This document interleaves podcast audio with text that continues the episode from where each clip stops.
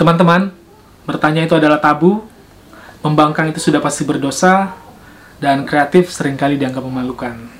Tapi diam itu adalah emas. Penurut selalu dibanggakan. Itulah sekolah.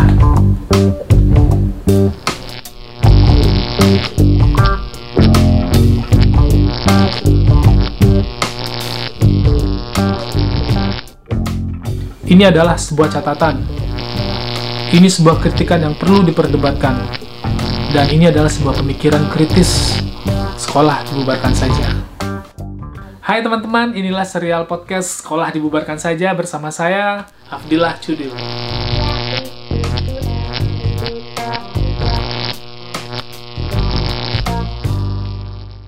Teman-teman, inilah dia buku Sekolah Dibubarkan Saja uh, dan pertama kali dipublikasi di tahun 2010 oleh Insis Press uh, Jogja karena cetakannya waktu itu sangat terbatas, sempat beredar di Gramedia seluruh Indonesia, tapi sempat menghilang juga cukup lama.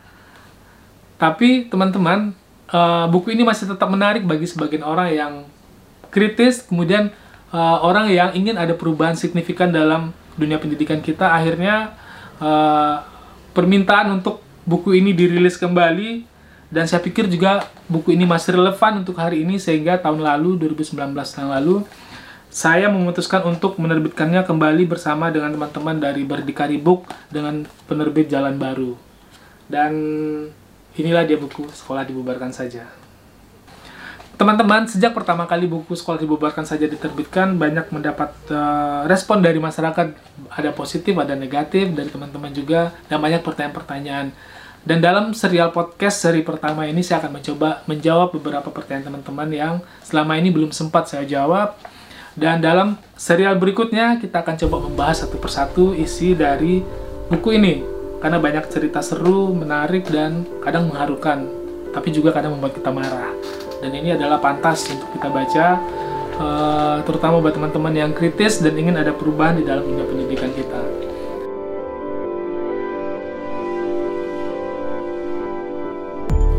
Nah, teman-teman, salah satu pertanyaan yang sering ditanyakan kepada saya adalah apa motivasi saya menulis buku ini.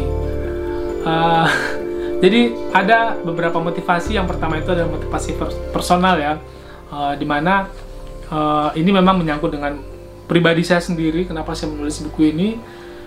Karena ini adalah pembuktian untuk diri saya sendiri, di mana dulu uh, waktu kecil, waktu masih sekolah saya bermimpi menjadi seorang penulis. Jadi ini bocoran ya, cita-cita saya dulu itu adalah menjadi seorang penulis besar, menjadi seorang sastrawan.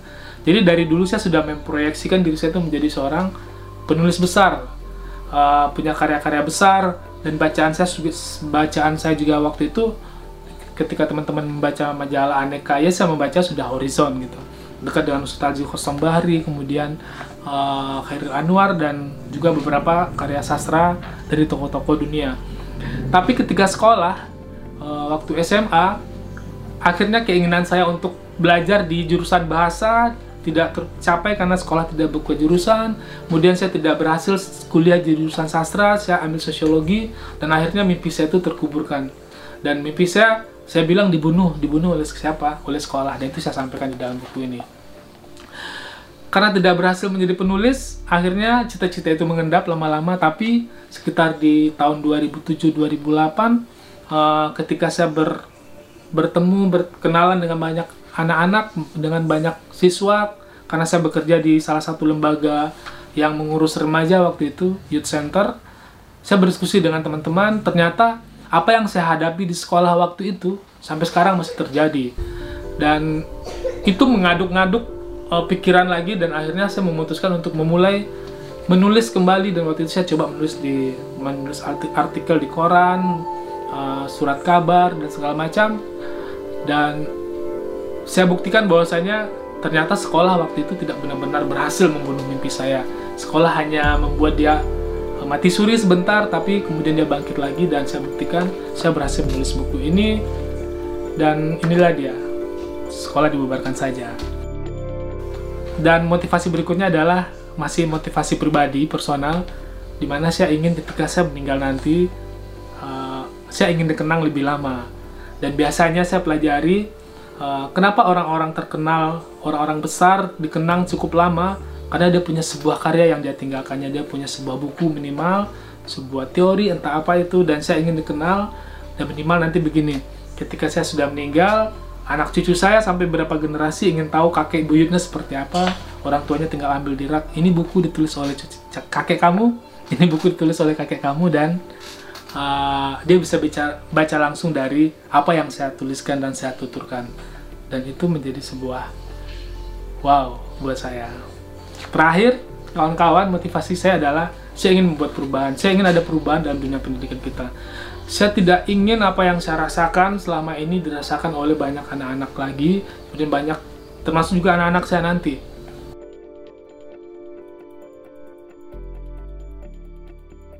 Pertanyaan berikutnya yang cukup sering ditanyakan adalah kenapa saya memilih judul buku ini adalah sekolah dibubarkan saja. Kenapa nggak yang lain gitu? Uh, inspirasinya dari mana. Jadi kawan-kawan memang di dalam buku ini uh, ada beberapa bab yang malah judulnya lebih provokatif ya. Seperti ada pabrik itu bernama sekolah, kemudian sekolah yang membunuh. Dan tetapi menurut saya, menurut saya yang menulis buku ini, yang paling mewakili dari buku ini adalah uh, judulnya sekolah dibubarkan saja dan itu menjadi salah satu bab juga di dalam buku ini. Uh, karena dari sekian banyak yang saya kritisi dari sekian banyak yang saya ceritakan di buku ini, kemudian diceritakan oleh teman-teman yang lain juga, ujung-ujungnya adalah kita mengharapkan adanya perubahan. Dan jika perubahan itu tidak bisa diwujudkan, dan apa yang ada dalam cerita di buku ini tidak bisa diperbaiki, ya sebaiknya memang sekolah dibubarkan saja. Dan statement sekolah dibubarkan saja itu adalah sebuah ungkapan dari keresahan, dari rasa kritis dari anak-anak sekolah, bukan dari saya langsung. Yang saya hanya mengutipnya saja. Jadi waktu ketika saya bekerja dengan beberapa orang remaja, kemudian dia masih sekolah, kemudian dia diwajibkan untuk melakukan ABCD segala macam dan dia tiba-tiba nyeletuk uh, sebaiknya sekolah dibubarkan saja gitu kan. Dan saya kaget juga dengan uh, dengan ungkapan anak-anak yang kritis waktu itu tentang itu dan uh, saya ungkapkan di salah satu bab di sini dan teman-teman yang penasaran ingin tahu cerita konkretnya silahkan baca atau tunggu podcast berikutnya di mana anak itu juga menyampaikan solusi yang bernas menurut saya uh, bahwasanya sekolah sebaiknya dibubarkan saja kalau sekolah masih seperti apa yang dia rasakan. Jadi ya begitu sudah.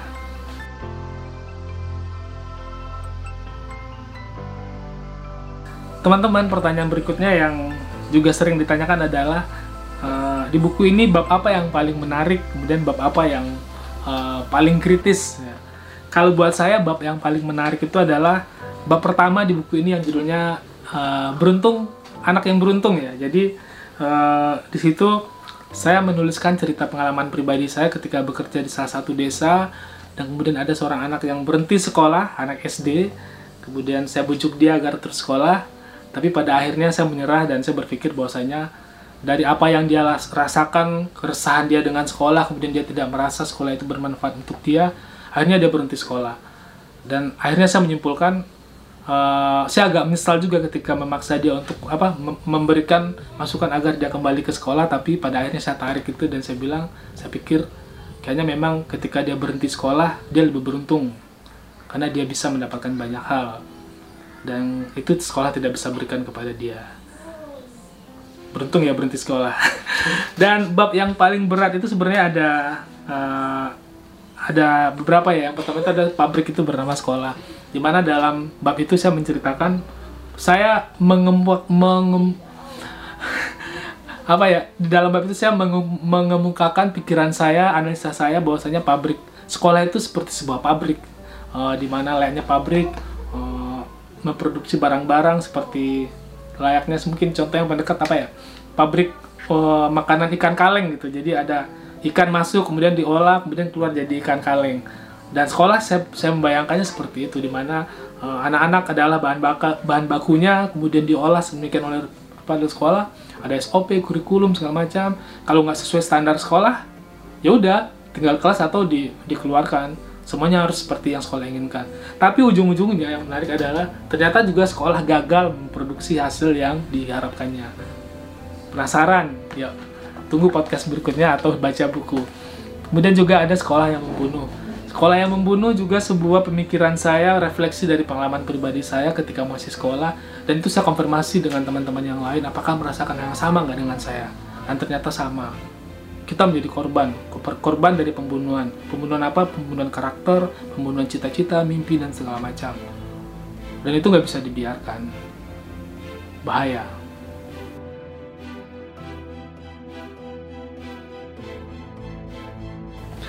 Teman-teman, pertanyaan lainnya adalah apa tantangan buat saya ketika merilis buku ini?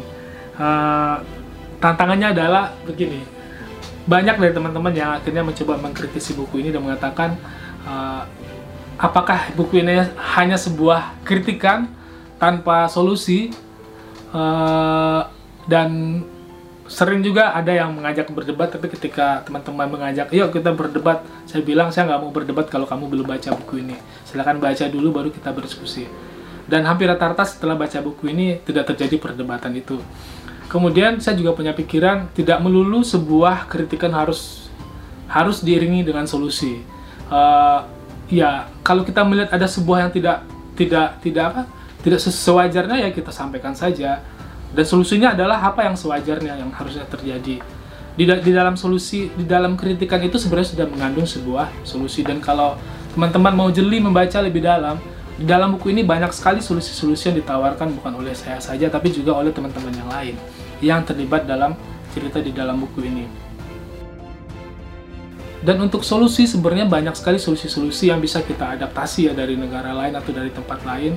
Dan saya paling suka itu buku Toto Chang yang menjadi salah satu buku terbaik yang pernah saya baca, di mana menceritakan tentang seorang anak yang baru masuk sekolah, kemudian dia sudah diberhentikan oleh sekolahnya dan dia orang tuanya mencarikan sekolah lain beberapa sekolah akhirnya sampai dia bertemu sebuah sekolah yang membuat dia merasa di sekolah itu dia diterima, merasa nyaman dan dihargai.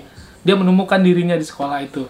Uh, judul buku itu Toto Chang dan akhirnya buku itu menjadi salah satu acuan untuk penyusunan kurikulum di Jepang karena uh, back, back, apa background buku itu memang di Jepang dan waktunya itu pada Perang Dunia Kedua tahun 40-an itu udah lama sekali loh. Dan saya bingung uh, di tahun itu sudah ada revolusi dalam dunia pendidikan di tempat lain, tapi sampai sekarang Indonesia sulit sekali untuk membuat sebuah perubahan yang yang bernas. Dan saya nggak ngerti masalahnya di mana. Padahal banyak sekali pemikir-pemikir hebat yang harusnya bisa membuat sebuah gebrakan yang berani, tapi uh, kalau tanya solusi ke saya ya bereskan dulu yang di sananya gitu.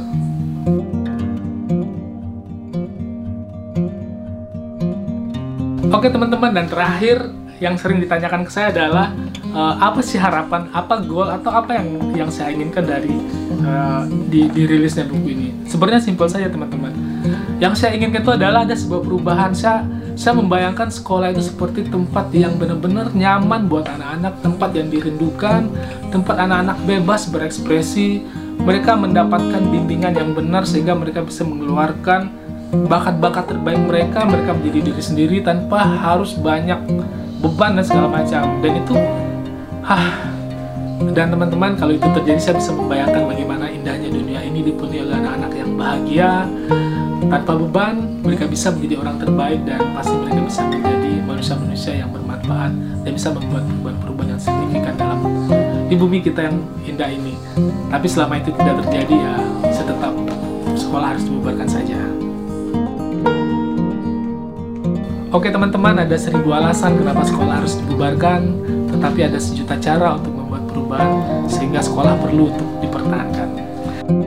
Oke teman-teman, sekian dari saya dan tunggu serial podcast sekolah dibubarkan saja episode berikutnya di channel YouTube Abdillah Cudil dan di podcast Abdillah Cudil dan kita akan tunggu, kita akan bahas satu persatu bab per bab di buku ini dan kita lihat apa sih alasan kenapa sekolah harus dibubarkan. Oke, salam hormat.